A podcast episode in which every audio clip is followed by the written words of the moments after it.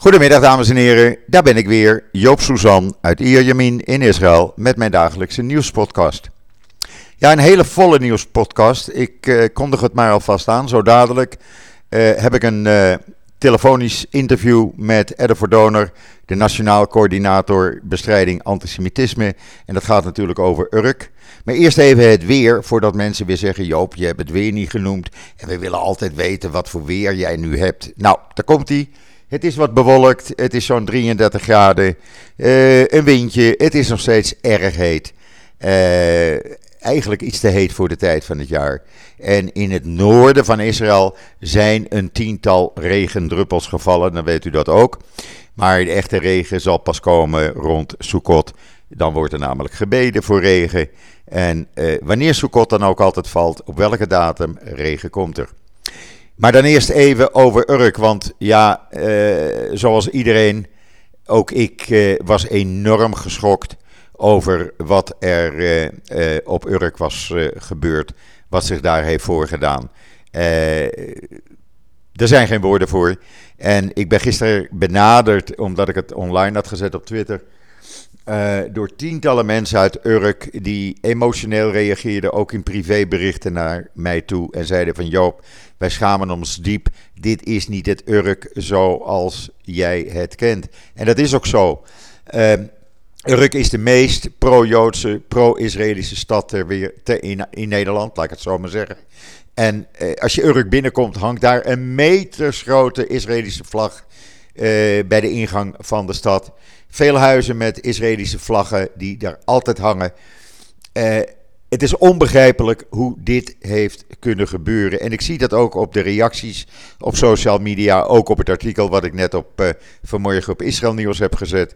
Israelnieuws.nl. Um, ehm, mensen vinden het onbegrijpelijk en snappen niet hoe dit komt. Heeft dat te maken met het feit dat er weinig onderwijs over de Holocaust is tegenwoordig in Nederland. Heeft het te maken met politieke partijen zoals Forum voor Democratie, die gisteravond een tweet eruit gooide, die ze inmiddels verwijderd hebben, waarin ze schreven, uh, de afdeling Zeeland, uh, dat zij uh, helemaal achter deze jongelui staan op eh, Urk en dat ze het prima vinden wat ze doen. Nou, ik denk niet dat dit de manier is om jongeren in Nederland op te voeden. Maar laat ik eh, dan nu gaan kijken of ik eh, contact kan krijgen met Edde Verdoner. En dan eh, zal ik met hem verder over deze zaak praten. Ogenblikje graag. Het is gelukt, dames en heren. Ik heb aan de andere lijn, of aan de telefoonlijn, Edde Verdoner, coördinator antisemitismebestrijding in Nederland. Goedemiddag, Eddo. Goedemiddag Joop. Um, ja, uh, Urk. Dat was nogal een schok gisteren wat er gebeurde. Um, ja. Wat, uh, uh, ik, ik heb begrepen van je dat jij daar inmiddels contact hebt gehad met het gemeentebestuur en met name de burgemeester van Urk. Ja, dus de, de ministerie heeft contact gehad ja. en heeft mij op de hoogte gesteld. En ze zijn daarover in gesprek. Ja. Allereerst te kijken wat, wat er kan gebeuren direct. Hè. Dus je hebt het OM, die heeft een apart traject. Daar, daar, die doet zijn eigen onderzoek. Ik begrijp dat ze naar kijken. Zijn er strafbare feiten gepleegd? Hè? Je kan denken aan bijvoorbeeld, ja, wat hadden ze bij zich? Het leek of ze iets in de hand hadden bijvoorbeeld. wat was dat? Mag dat? Um, en, en de uiting zelf. Is er sprake van, van groepsbelediging bijvoorbeeld. Ja. En daarnaast heb je een, een direct traject, bijvoorbeeld het contact met de mensen, met de ouders van die, van die, van die jongeren. En kijken of je via een dierkanaal ook iets kan doen. En beide gebeurt op dit moment. Het wordt ja, zeer hoog opgepakt, want ja, iedereen is enorm geschokt. Ja. Ook, ook landelijk, ja. Ja, en, en hoe heeft zoiets kunnen ontstaan? Met name op Urk, een, de meest pro-Israëlische pro-Joodse stad die er bestaat in Nederland. Hoe, hoe zijn deze jongen uh, zo ver gekomen? Ik bedoel, ik, ik vind dat onbegrijpelijk. Ja. Ik vind het ook. Uh, ik had het, uh, ja, je, je, verwacht het niet.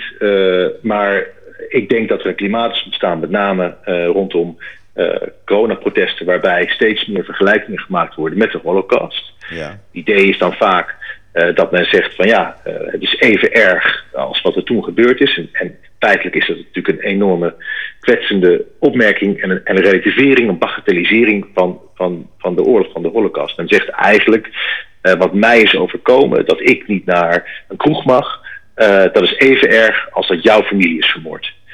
Uh, en helemaal nu deze zondag het namenmonument wordt onthuld in Amsterdam. Ja. Waarbij al die, al die vermoorde mensen uh, op dat monument staan. Uh, ja, moet je echt afvragen waar deze mensen in godsnaam geweest zijn. Dat ze dit soort beelden hebben. Als ze denken dat datgene wat hen nu overkomt even erg is als wat er toen is gebeurd. ik denk dat die bewustwording er totaal niet is. en ja, doordat in die protesten steeds meer mensen met van die met, met, met jodensterren oplopen of met dat soort teksten rondlopen. Uh, ja, wordt een klimaat geschetst waarin mensen proberen om steeds verder te gaan in die vergelijking, steeds meer extreme dingen te laten zien om aandacht te trekken.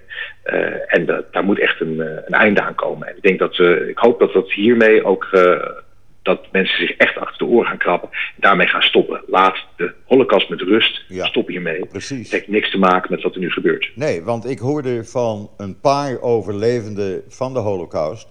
Uh, die heb ik gebeld verleden week naar aanleiding van die andere protesten waar ook weer met jodensterren werd gelopen. Gewoon even horen, wat, hoe, wat doet dat met jullie? Ja, dan hoor je de meest verschrikkelijke verhalen van die mensen. Die zeggen van ja, het komt weer allemaal terug. En, en wij, wij kunnen dat niet begrijpen. Ik vind het ook on, ongelooflijk dat die Davidster, die gele ster, gewoon gebruikt wordt. En dat daar niet tegen op kan worden getreden door politie of wie dan ook. Want het zou strafbaar moeten worden gesteld. Ja, nou, er is een, uh, in Duitsland heeft de stad München heeft per verbod, dat is een, een, een, verbod, zeg maar gemeentelijk verbod, uh, gesteld dat tijdens die coronademonstraties je niet meer mag lopen met een gele ster. Dat vinden ze te beledigend. Dat hebben ja. ze eigenlijk gesteld als voorwaarde om zo'n demonstratie te houden. Um, maar het is niet bij wet verboden, zelfs in Duitsland niet, waar die wet extra streng is. Um, het probleem hierbij, juridisch gezien, is dat het. Het is een, natuurlijk een vorm van holocaust-relativering. Uh, maar het is zodanig dat het omgekeerd gedaan wordt. Zij vergelijken het met de holocaust. Zij zeggen niet dat de holocaust zelf niet gebeurd is of, of in mindere mate is, is, gebeurd. En dat verschil, dat maakt het juridisch gezien net niet verboden. Wat natuurlijk ja, niet afdoet aan het feit dat het enorm kwetsend is. Ja. En dus uh, nou, is het eigenlijk zo dat gemeentes daar met organisatoren mee over in gesprek moeten. Dat, dat gebeurt ook, is mij toegezegd in ieder geval van het Nieuwbaan in Amsterdam. Uh, om te zeggen van jongens, jullie moeten hiermee stoppen. En ja, dan op het hart drukken dat dat ook een, uh, een overschrijdt. Uh, en die, dat gesprek moet plaatsvinden voordat zo'n protest plaatsvindt. Ja. Uh, en daarnaast is het belangrijk dat we met z'n allen uh, het geluid laten horen wat, wat jij nu laat horen, laat horen, namelijk van walging en van ongeloof. En want dat laat ook aan dat soort organisatoren zien dat het effect ervan uh, juist tegengesteld is. Ja. Dat niemand meer aandacht heeft voor hetgeen wat je onder, de, onder, de, onder het voetlicht wil brengen, nee. de coronamaatregelen, omdat iedereen het hier over heeft. Precies. En iedereen vindt jou, jouw mening daarin dus niet meer belangrijk. Dus het, het werkt ook averechts. Ja. Het helpt de zaak niet uh, en het kwetst heel veel mensen, mensen overlevenden. Nou ja, dat is na, na wat er gebeurt is in Urk natuurlijk nog extra. Hè, als ze daar ja. uh, door de straat heen loopt met uniformen en uh, ja, iemand lijken te executeren met ja. een jodenster. Ja. Dat is natuurlijk verschrikkelijk. Echt tuurlijk, verschrikkelijk. En er is heel veel nare herinneringen opdoen. Dat kan dus, dat wordt dus nog onderzocht of daar strafbare feiten zijn gepleegd. Okay. Uh, maar bij zo'n coronademonstratie, uh, ja, daar, daar, daar moet je het hebben van het gesprek van de burgemeester met, uh, met die organisatoren. En ja. van de, de, druk die er vanuit de samenleving komt. En wat gaat er nu met die jongelui gebeuren? mijn idee zou zijn, maar dat is even Joopse mening. stuur ze zo snel mogelijk op een excursie naar Auschwitz, zodat ze kunnen zien wat er is gebeurd met de Joden in de concentratiekampen? Ja, nou, er zijn ook uh, bijvoorbeeld een voorstel zou kunnen zijn dat je uh, ze vraagt deel te nemen aan een. er zijn ook cursussen van het Anne Frank Stichting bijvoorbeeld, cursussen bewustwording, die soms ook gebruikt worden bij dit soort trajecten. Dat zou een voorbeeld zijn. Nou ja, naar Auschwitz gaan zou helemaal mooi zijn, hè, dat, je, dat je daar een traject doet. Ja. Maar je zou ook al hier in Nederland een aantal van die kampen aan kunnen doen. Uh, en en uh, ja, het zou goed zijn, los nog van wat er strafrechtelijk allemaal gebeurt, dat het nu al besproken wordt uh, vanuit de burgemeester, die ook heeft gezegd, er is een enorme grens overschreden. Ja. Heel veel Urkers zijn er niet gelukkig mee. Dit is niet wat Urk voor staat en, en, waar wij met z'n allen voor staan. ik begrijp dat die jongeren inmiddels ook, al dan niet onder die druk, excuses hebben aangeboden. Dat hebben ze ook ja. publiek gemaakt. Ja, het is altijd met de naast hè? Excuses. Ja, precies. Uh, dus ja, uh, maar goed, het is een eerste stap. Uh, het zou mij bekoren als men dan zegt: oké, okay, wij gaan bijvoorbeeld zo'n leergang doen. Wij gaan ons inschrijven voor die cursus, bijvoorbeeld bij de Anne Frank Stichting. om ons te laten onderwijzen over wat het nou eigenlijk is. Wat ja. heb ik nou gedaan? Waar ja. gaat het over? Waar gaat de oorlog over? Ja. en dat als begin zou, zou ik al heel fijn vinden. Want dan laten ze ook zien dat ze niet wachten tot iemand ze daartoe dwingt. Uh, of dat het een uitkomst is van een, van een proces. Maar dat ze gewoon zelf zeggen: nee, we zijn een fout ingegaan. We gaan nu zelf kennis vergaren, want we willen dit niet meer doen. En we willen ook laten zien aan de samenleving, aan de Precies. gemeenschap, Joodse gemeenschap. Ja. Serieus nee. Ja, een straf helpt namelijk niet. Ik vind een. een uh, nee, een straf, ja. Uh, daar bereik je verder niets mee. En ik denk namelijk zo'n cursus of een excursie of beide naar Auschwitz uh, zou uh, uiteindelijk de allerbeste oplossing zijn. En dat zou eigenlijk iedereen die ja. met zo'n jodenster oploopt tijdens het coronaprotest... zou eens een keer naar Auschwitz moeten gaan. En zien met eigen ogen de verschrikkingen die er zijn gebeurd in die verschrikkelijke jaren. Waarbij 102.000 Nederlandse Joden zijn vermoord. Omdat ze Joods waren. Ja.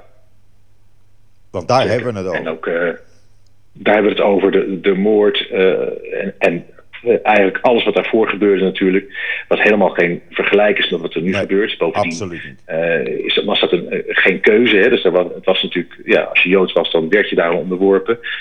hoe je ook gedroeg, of je nou wel of niet kenbaar als Jood leefde, of überhaupt daar zelf enige affiniteit mee had. en het was echt discriminatie op grond van wie je was. En vervolgens gebeurden natuurlijk de meest verschrikkelijke dingen ja. uh, met die Joden. Dus je moet daar echt uh, geen vergelijking mee trekken. Je doet alleen maar schade aan je eigen zaak en aan heel veel andere mensen. Helemaal mee eens. Helemaal mee eens. Ik vind dit een goede afsluiting, Edo. Dank. En dank en, voor je uh, tijd. Ik weet dat je druk bent. Dank voor je tijd dat je eventjes in mijn podcast wilde komen. En dat mensen uit jouw mond konden horen wat er dus precies op dit moment speelt. Um, Graag gedaan. Alvast uh, Gamar Gatima Tova. Hebben gezond vasten en een uh, goed aanbijten. En, Dankjewel, Gamar Gatima Tova. Ook voor jou. En we spreken elkaar binnenkort wel weer. Tot snel. Dankjewel voor je tijd. Tot ziens. You, tot dag, ziens. Dag, dag. Ja, dat was dus het uh, gesprek wat uh, met Edo uh, Verdoner van zeg maar de antisemitismebestrijding vanuit de overheid. Ik denk dat het heel verhelderend is geweest, ook wat hij zegt. En ja, nogmaals, ik hoop dat deze hele situatie snel ja, tot een oplossing komt. Nou, laat ik zeggen dat men, dat iedereen in Nederland en waar ook ter wereld uh, die met een jodenster loopt om tegen corona te bestrijden, zich realiseert wat dat betekent. En dan gaan we nu even over naar het nieuws hier in Israël, want er gebeurt natuurlijk hier ook weer van alles.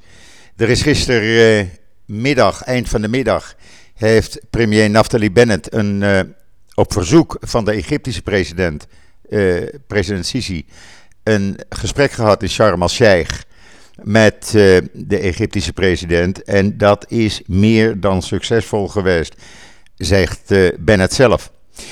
In het persbericht staat dat het is voor het eerst na tien jaar dat er weer een Israëlische premier met het Egyptische staatshoofd, staatshoofd in het openbaar heeft gesproken. En als u het filmpje kijkt die in het artikel op Israël Nieuws staat, dan zult u zien, het lijken wel twee oude vrienden. Ze slaan elkaar op de rug, ze lachen, ze omarmen elkaar. En ja, zoals Bennett ook zei, de fundamenten voor een uitstekende relatie in de komende jaren zijn gelegd. En ik denk ook dat dat belangrijk is. Met Egypte heeft Israël al 40 jaar een, ja, een vredesakkoord. En uh, het is natuurlijk tijd dat dat ook ja, meer in de openbaarheid komt. Helemaal nu we natuurlijk al een jaar na de Abraham-akkoorden zitten. En ja, dat is natuurlijk al bijna gewoon, zou je zeggen. En dan heel even corona in Israël. Want ja, het blijft maar doorgaan. Gisteren opnieuw 10.556 nieuwe besmettingen. Bijna 55% van de nieuwe besmettingen zijn personen jonger dan 19 jaar die niet gevaccineerd zijn. Ondertussen uh, gaat nog steeds elke dag uh, is er een afname in het aantal patiënten in de ziekenhuizen. Minder mensen kritiek, minder mensen ernstig ziek. Uh, waren het de zondag nog 691 die ernstig ziek waren. Uh, gisteren waren dat er 687 en elke dag gaan er wel, uh, zijn het er een paar minder. Wat opvalt is dat de R-waarde opeens weer stijgt. Die stond op 0,85 en die staat nu op 1,1 of 1,01 moet ik zeggen. Uh, Ondertussen zitten er ruim 160.000 scholieren in quarantaine. 43.645 van hen zijn besmet. Terwijl 116.868 in contact zijn geweest met een besmet persoon en daardoor ook een week in quarantaine moeten. Dit zijn er 10.000 meer ten opzichte van afgelopen zondag. Kunt u nagaan. Uh, uit het staatje, de grafiek die op Israël Nieuws erbij staat in het artikel, kunt u ook zien dat het overgrote merendeel van de patiënten uh, en van de besmette uh, personen niet gevaccineerd is in alle leeftijdsgroepen. Het aandeel van één of twee keer gevaccineerden is veel minder en het aandeel van drie keer gevaccineerden, ja, dat komt heel laag uit. U kunt dat per leeftijdsgroep in het grafiekje terugvinden. Dit zijn, elke dag is dat een grafiek die uh, een update krijgt, zodat uh, uh, elke dag wij kunnen zien in welke leeftijdsgroep nu de meeste besmettingen zijn. Nou, op het staatje is het heel duidelijk te zien. Er zijn drie leeftijdsgroepen die er uitspringen: 12 tot 15-jarigen. 30 eh, tot 39-jarigen en 40 tot 49-jarigen. Daarna, dat staat niet op het uh, staatje, daarnaast zijn natuurlijk heel veel besmettingen uh, te herleiden naar kinderen onder de 12 jaar. En dan, uh, ja, iets heel anders. Stordot uit Israël komt met een batterij voor elektrische auto's en elektrische motoren en fietsen die je in 10 minuten kan opladen. Uh, Tesla heeft al gezegd, we gaan hem gebruiken. Dat betekent dat als, tegen, als je dus deze batterij binnenkort in je uh, elektrische auto krijgt, nou, dan uh, ben je niet veel meer kwijt met opladen dan met benzine tanken, om het zo maar eens te zeggen. 10 minuten en dan rij je weer gewoon 500, 600 of 700 kilometer ver. Uh, ze hebben inmiddels allerlei patenten erop uh, afgesloten. Een stuk of vijf. En het hele artikel staat op uh, Israël Nieuws. Met alle technische details voor de techneuten die daarin geïnteresseerd zijn. het is een doorbraak, een enorme doorbraak. En zodra die in de elektrische auto's zal verschijnen, zal je zien dat de verkoop van deze auto's nog hoger gaat worden. Goed, dat was het voor wat betreft uh, deze podcast. Um, morgen hebben we nog een podcast. Net voor uh, Grote Verzoendag, Yom Kippur. Donderdag niet, want uh, vanaf morgenavond heeft u 25 uur geen last van Joop. Dat is toch een prettige gedachte, denk ik zo. nee hoor, grapje. In ieder geval rest mij u nog een hele fijne voortzetting van deze dinsdag de 14 september toe te wensen. Ik ben er morgen weer en zeg zoals altijd: tot ziens, tot morgen.